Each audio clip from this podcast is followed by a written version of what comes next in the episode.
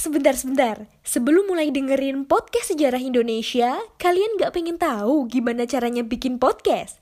Yakin? Gak susah kok. Coba deh download Anchor Podcast. 100% mudah, 100% gratis.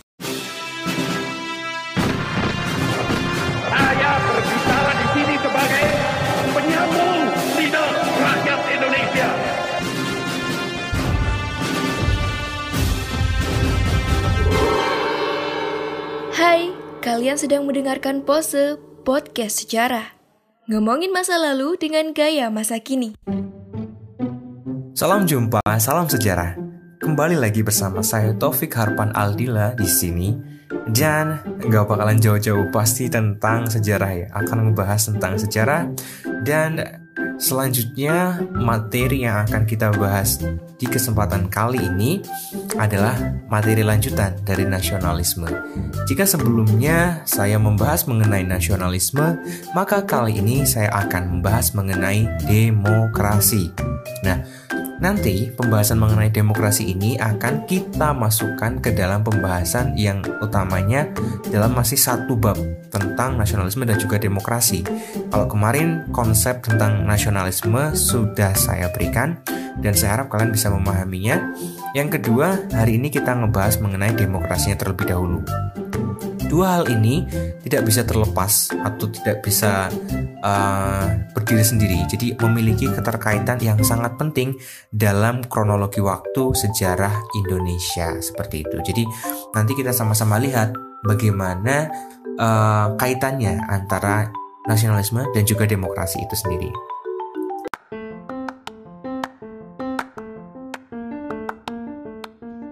Halo Sobat Poseidon, kalian pasti sudah tidak asing lagi dengan Anchor.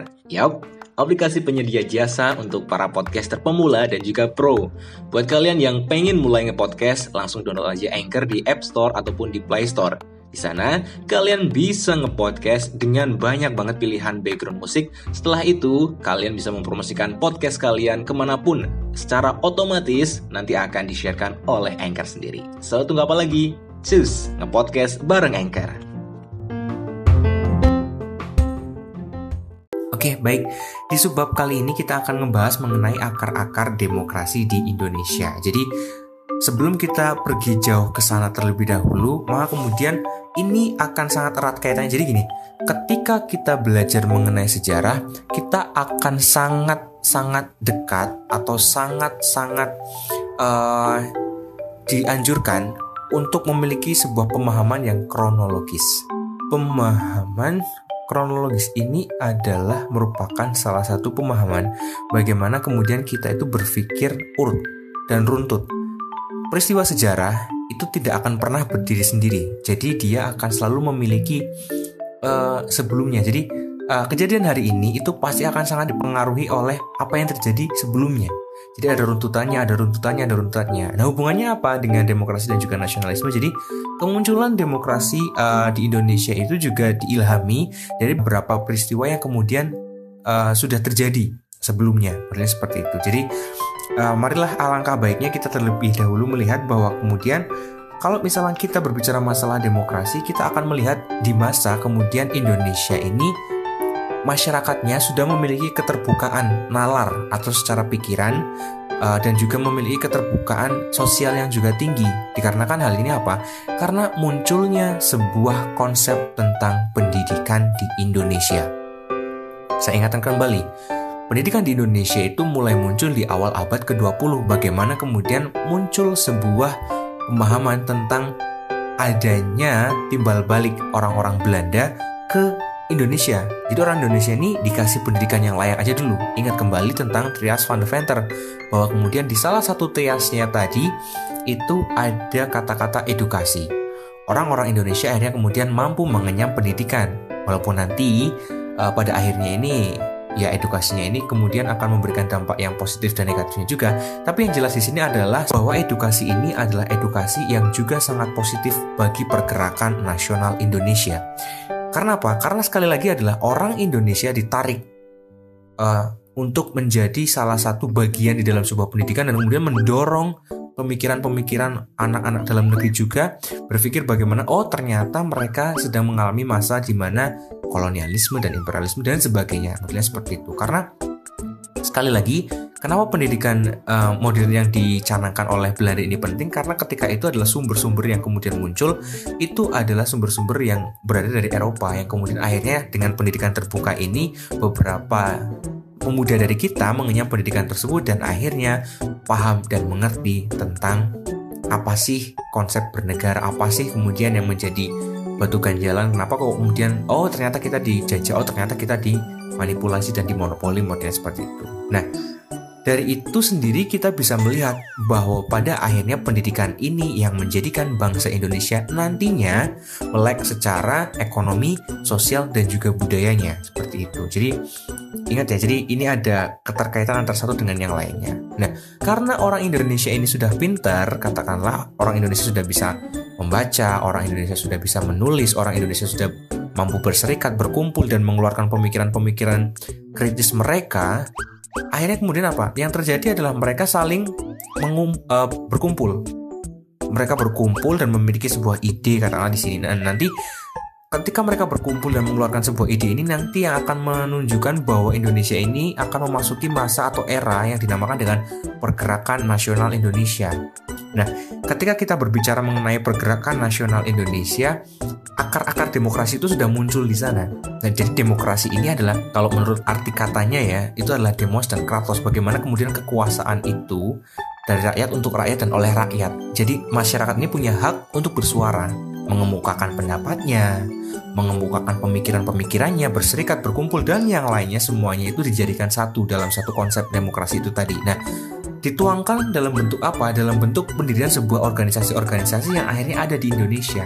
Katakanlah di sini kemudian Indonesia punya banyak banget organisasi-organisasi yang bisa kalian baca sendiri juga. Tapi yang jelas di sini adalah pertama kali kemudian kemunculan sebuah organisasi itu diilhami dari adanya surat kabar Indonesia. Jadi pers atau persurat kabar Indonesia itu yang kemudian uh, memunculkan salah satu tokoh yang juga sangat tersohor itu adalah Raden Mas Tirto Suryo.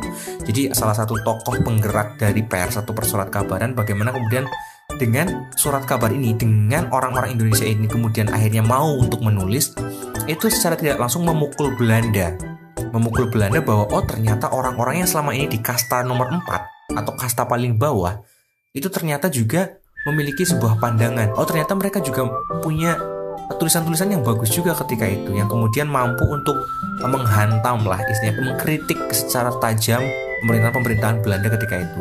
Pers dijadikan salah satu tonggak untuk majunya sebuah pergerakan nasional. Yang kedua kemudian kemunculan dari Budi Utomo.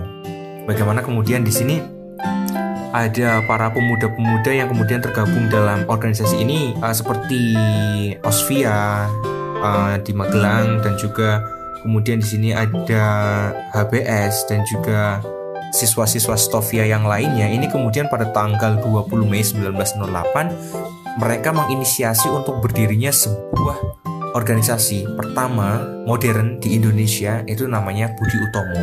Penggagasnya, pemikirnya itu namanya Wahidin Sudirohusodo yang kemudian dipilihlah ketuanya ketika itu untuk memimpin Budi Utomo namanya Dr. Sutomo. Ingat ya, penggagasnya adalah Wahidin Sudirohusodo yang kemudian menjadi pemimpin atau ketua Budi Utomo adalah Dr. Sutomo. Nah, ini adalah awal atau langkah awal pergerakan dari Indonesia dengan berdirinya sebuah organisasi modern yang namanya Budi Utomo tadi. Lantas setelah itu kemudian muncullah organisasi-organisasi yang lainnya. Jadi kalau Budi Utomo, organisasi itu difokuskan kepada ranah sosial dan juga budaya. Bahkan kemudian nanti diperluas lagi menjadi bahasan mengenai politik dan yang lainnya. Karena politik itu penting banget. Jadi kalau misalnya kita berbicara masalah sejarah, pasti akan berbicara masalah politik. Lagi-lagi politik, politik dan politik. Yang kedua setelah Budi Utomo kemudian didirikan ada beberapa uh, organisasi-organisasi uh, yang lain seperti katakanlah Syarikat Dagang Islam yang kemudian akhirnya uh, Syarikat Islam itu kan kemudian didirikan dan tujuannya pun uh, untuk kalau tadi uh, Budi Utomo itu adalah untuk sosial budaya dan juga politik. Nah, SI ini atau Syarikat Islam ini juga didirikan fokusnya awalnya adalah untuk mengangkat para pedagang-pedagang kaum cilik gitu loh. Jadi orang Indonesianya ini sendiri juga butuh ruang untuk perdagangan tersebut. Yang kemudian dulu itu orang Indonesia itu kan di nomor sekian kan untuk masalah perdagangan, apalagi untuk masalah perdagangan ya pendidikan pun mereka disisikan. Nah sekarang perdagangan pun mereka juga sudah uh, di nomor sekian kan. Jadi kan kesannya bahwa para pedagang-pedagang orang-orang kita itu juga mahir berdagang. Tapi kemudian yang terjadi di sini adalah orang-orang kita itu justru uh, tersisihkan.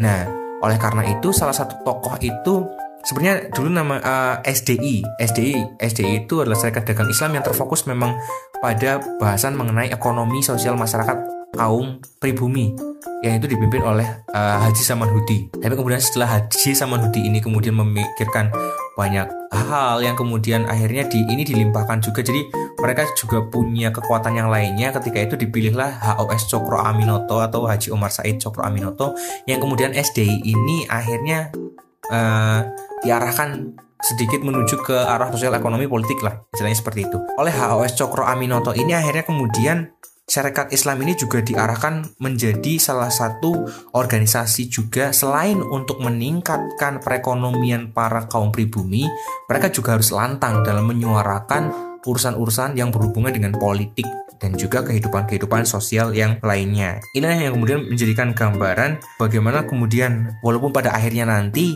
SI ini atau Serikat Islam ini kemudian terpecah karena disusupi beberapa hal-hal yang uh, boleh dikatakan ingin memecah belah Serikat Islam. Jadi nanti Serikat Islam itu ada Serikat Islam putih dan juga Serikat Islam merah. Nah, tapi kita lanjutkan dulu pembahasannya. Nah, selain SI, uh, eh, Indonesia dalam kronologisnya itu pernah juga mengenal salah satu organisasi yang bisa dikatakan sebagai partai radikal ketika itu. Sebut saja seperti Indische Party. Indische Party ini adalah salah satu organisasi yang dikatakan oleh Belanda itu adalah organisasi radikal, partai radikal. Kenapa?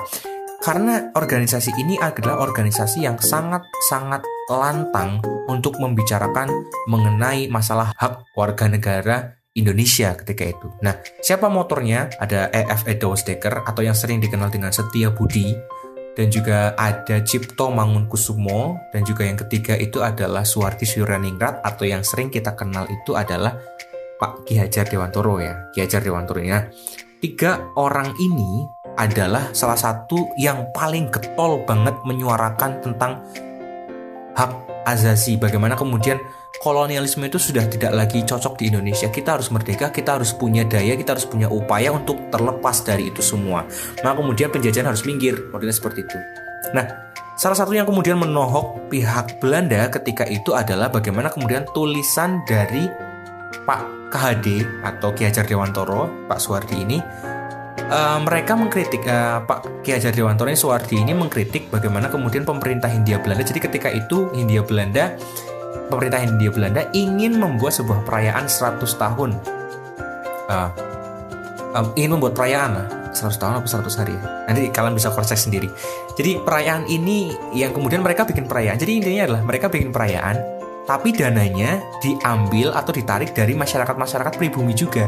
Jadi istilahnya adalah saya yang mau senang-senang, tapi uangnya dari Anda. Modelnya seperti itu. Nah, tulisan ini yang kemudian di, uh, eh, dikasih judul oleh Pak Suwardi tadi adalah Jika Saya Seorang Belanda atau bahasa Belandanya kalau saya nggak salah spelling ya. Jadi uh, tulisannya itu berjudul Als Als ik eens Nederlander was jika saya seorang Belanda terjemahnya seperti itu. Jadi mengkritik bagaimana pemerintahan Belanda kok tega gitu loh.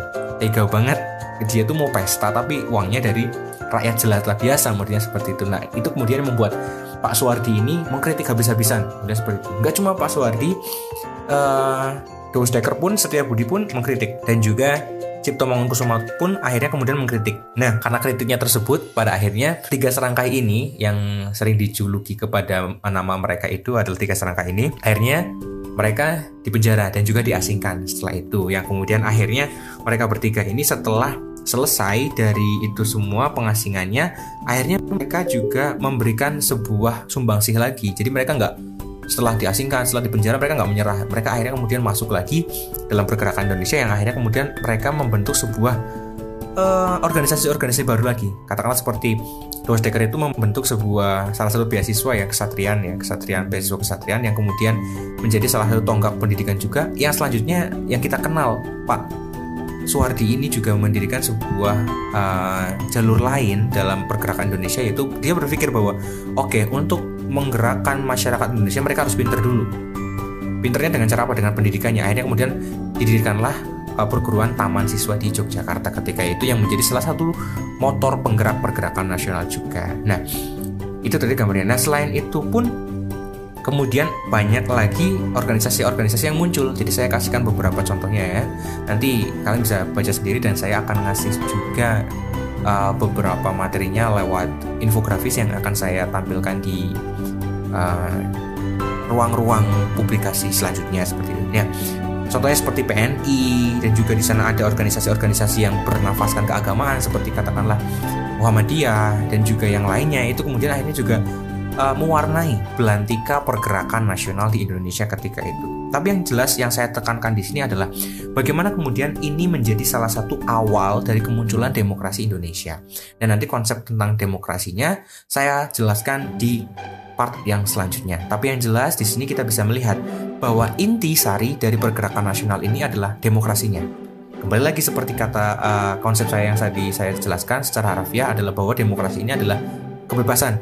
Kebebasan yang dimiliki atau haknya dimiliki lebih banyak oleh rakyat untuk rakyat dan juga uh, dari rakyat untuk rakyat dan juga oleh rakyat. Kemudian seperti itu. Jadi bagaimana kemudian kalau orang-orang zaman sekarang menyebutnya sebagai people power katakanlah ya itu adalah model demokrasi seperti itu. Oke baik, untuk part ini saya cukupkan terlebih dahulu dan tetap tunggu part selanjutnya. Terima kasih sudah mendengarkan dan saya harap kalian bisa belajar di mana pun dan tetap stay di rumah aja. Saya Taufik, pamit.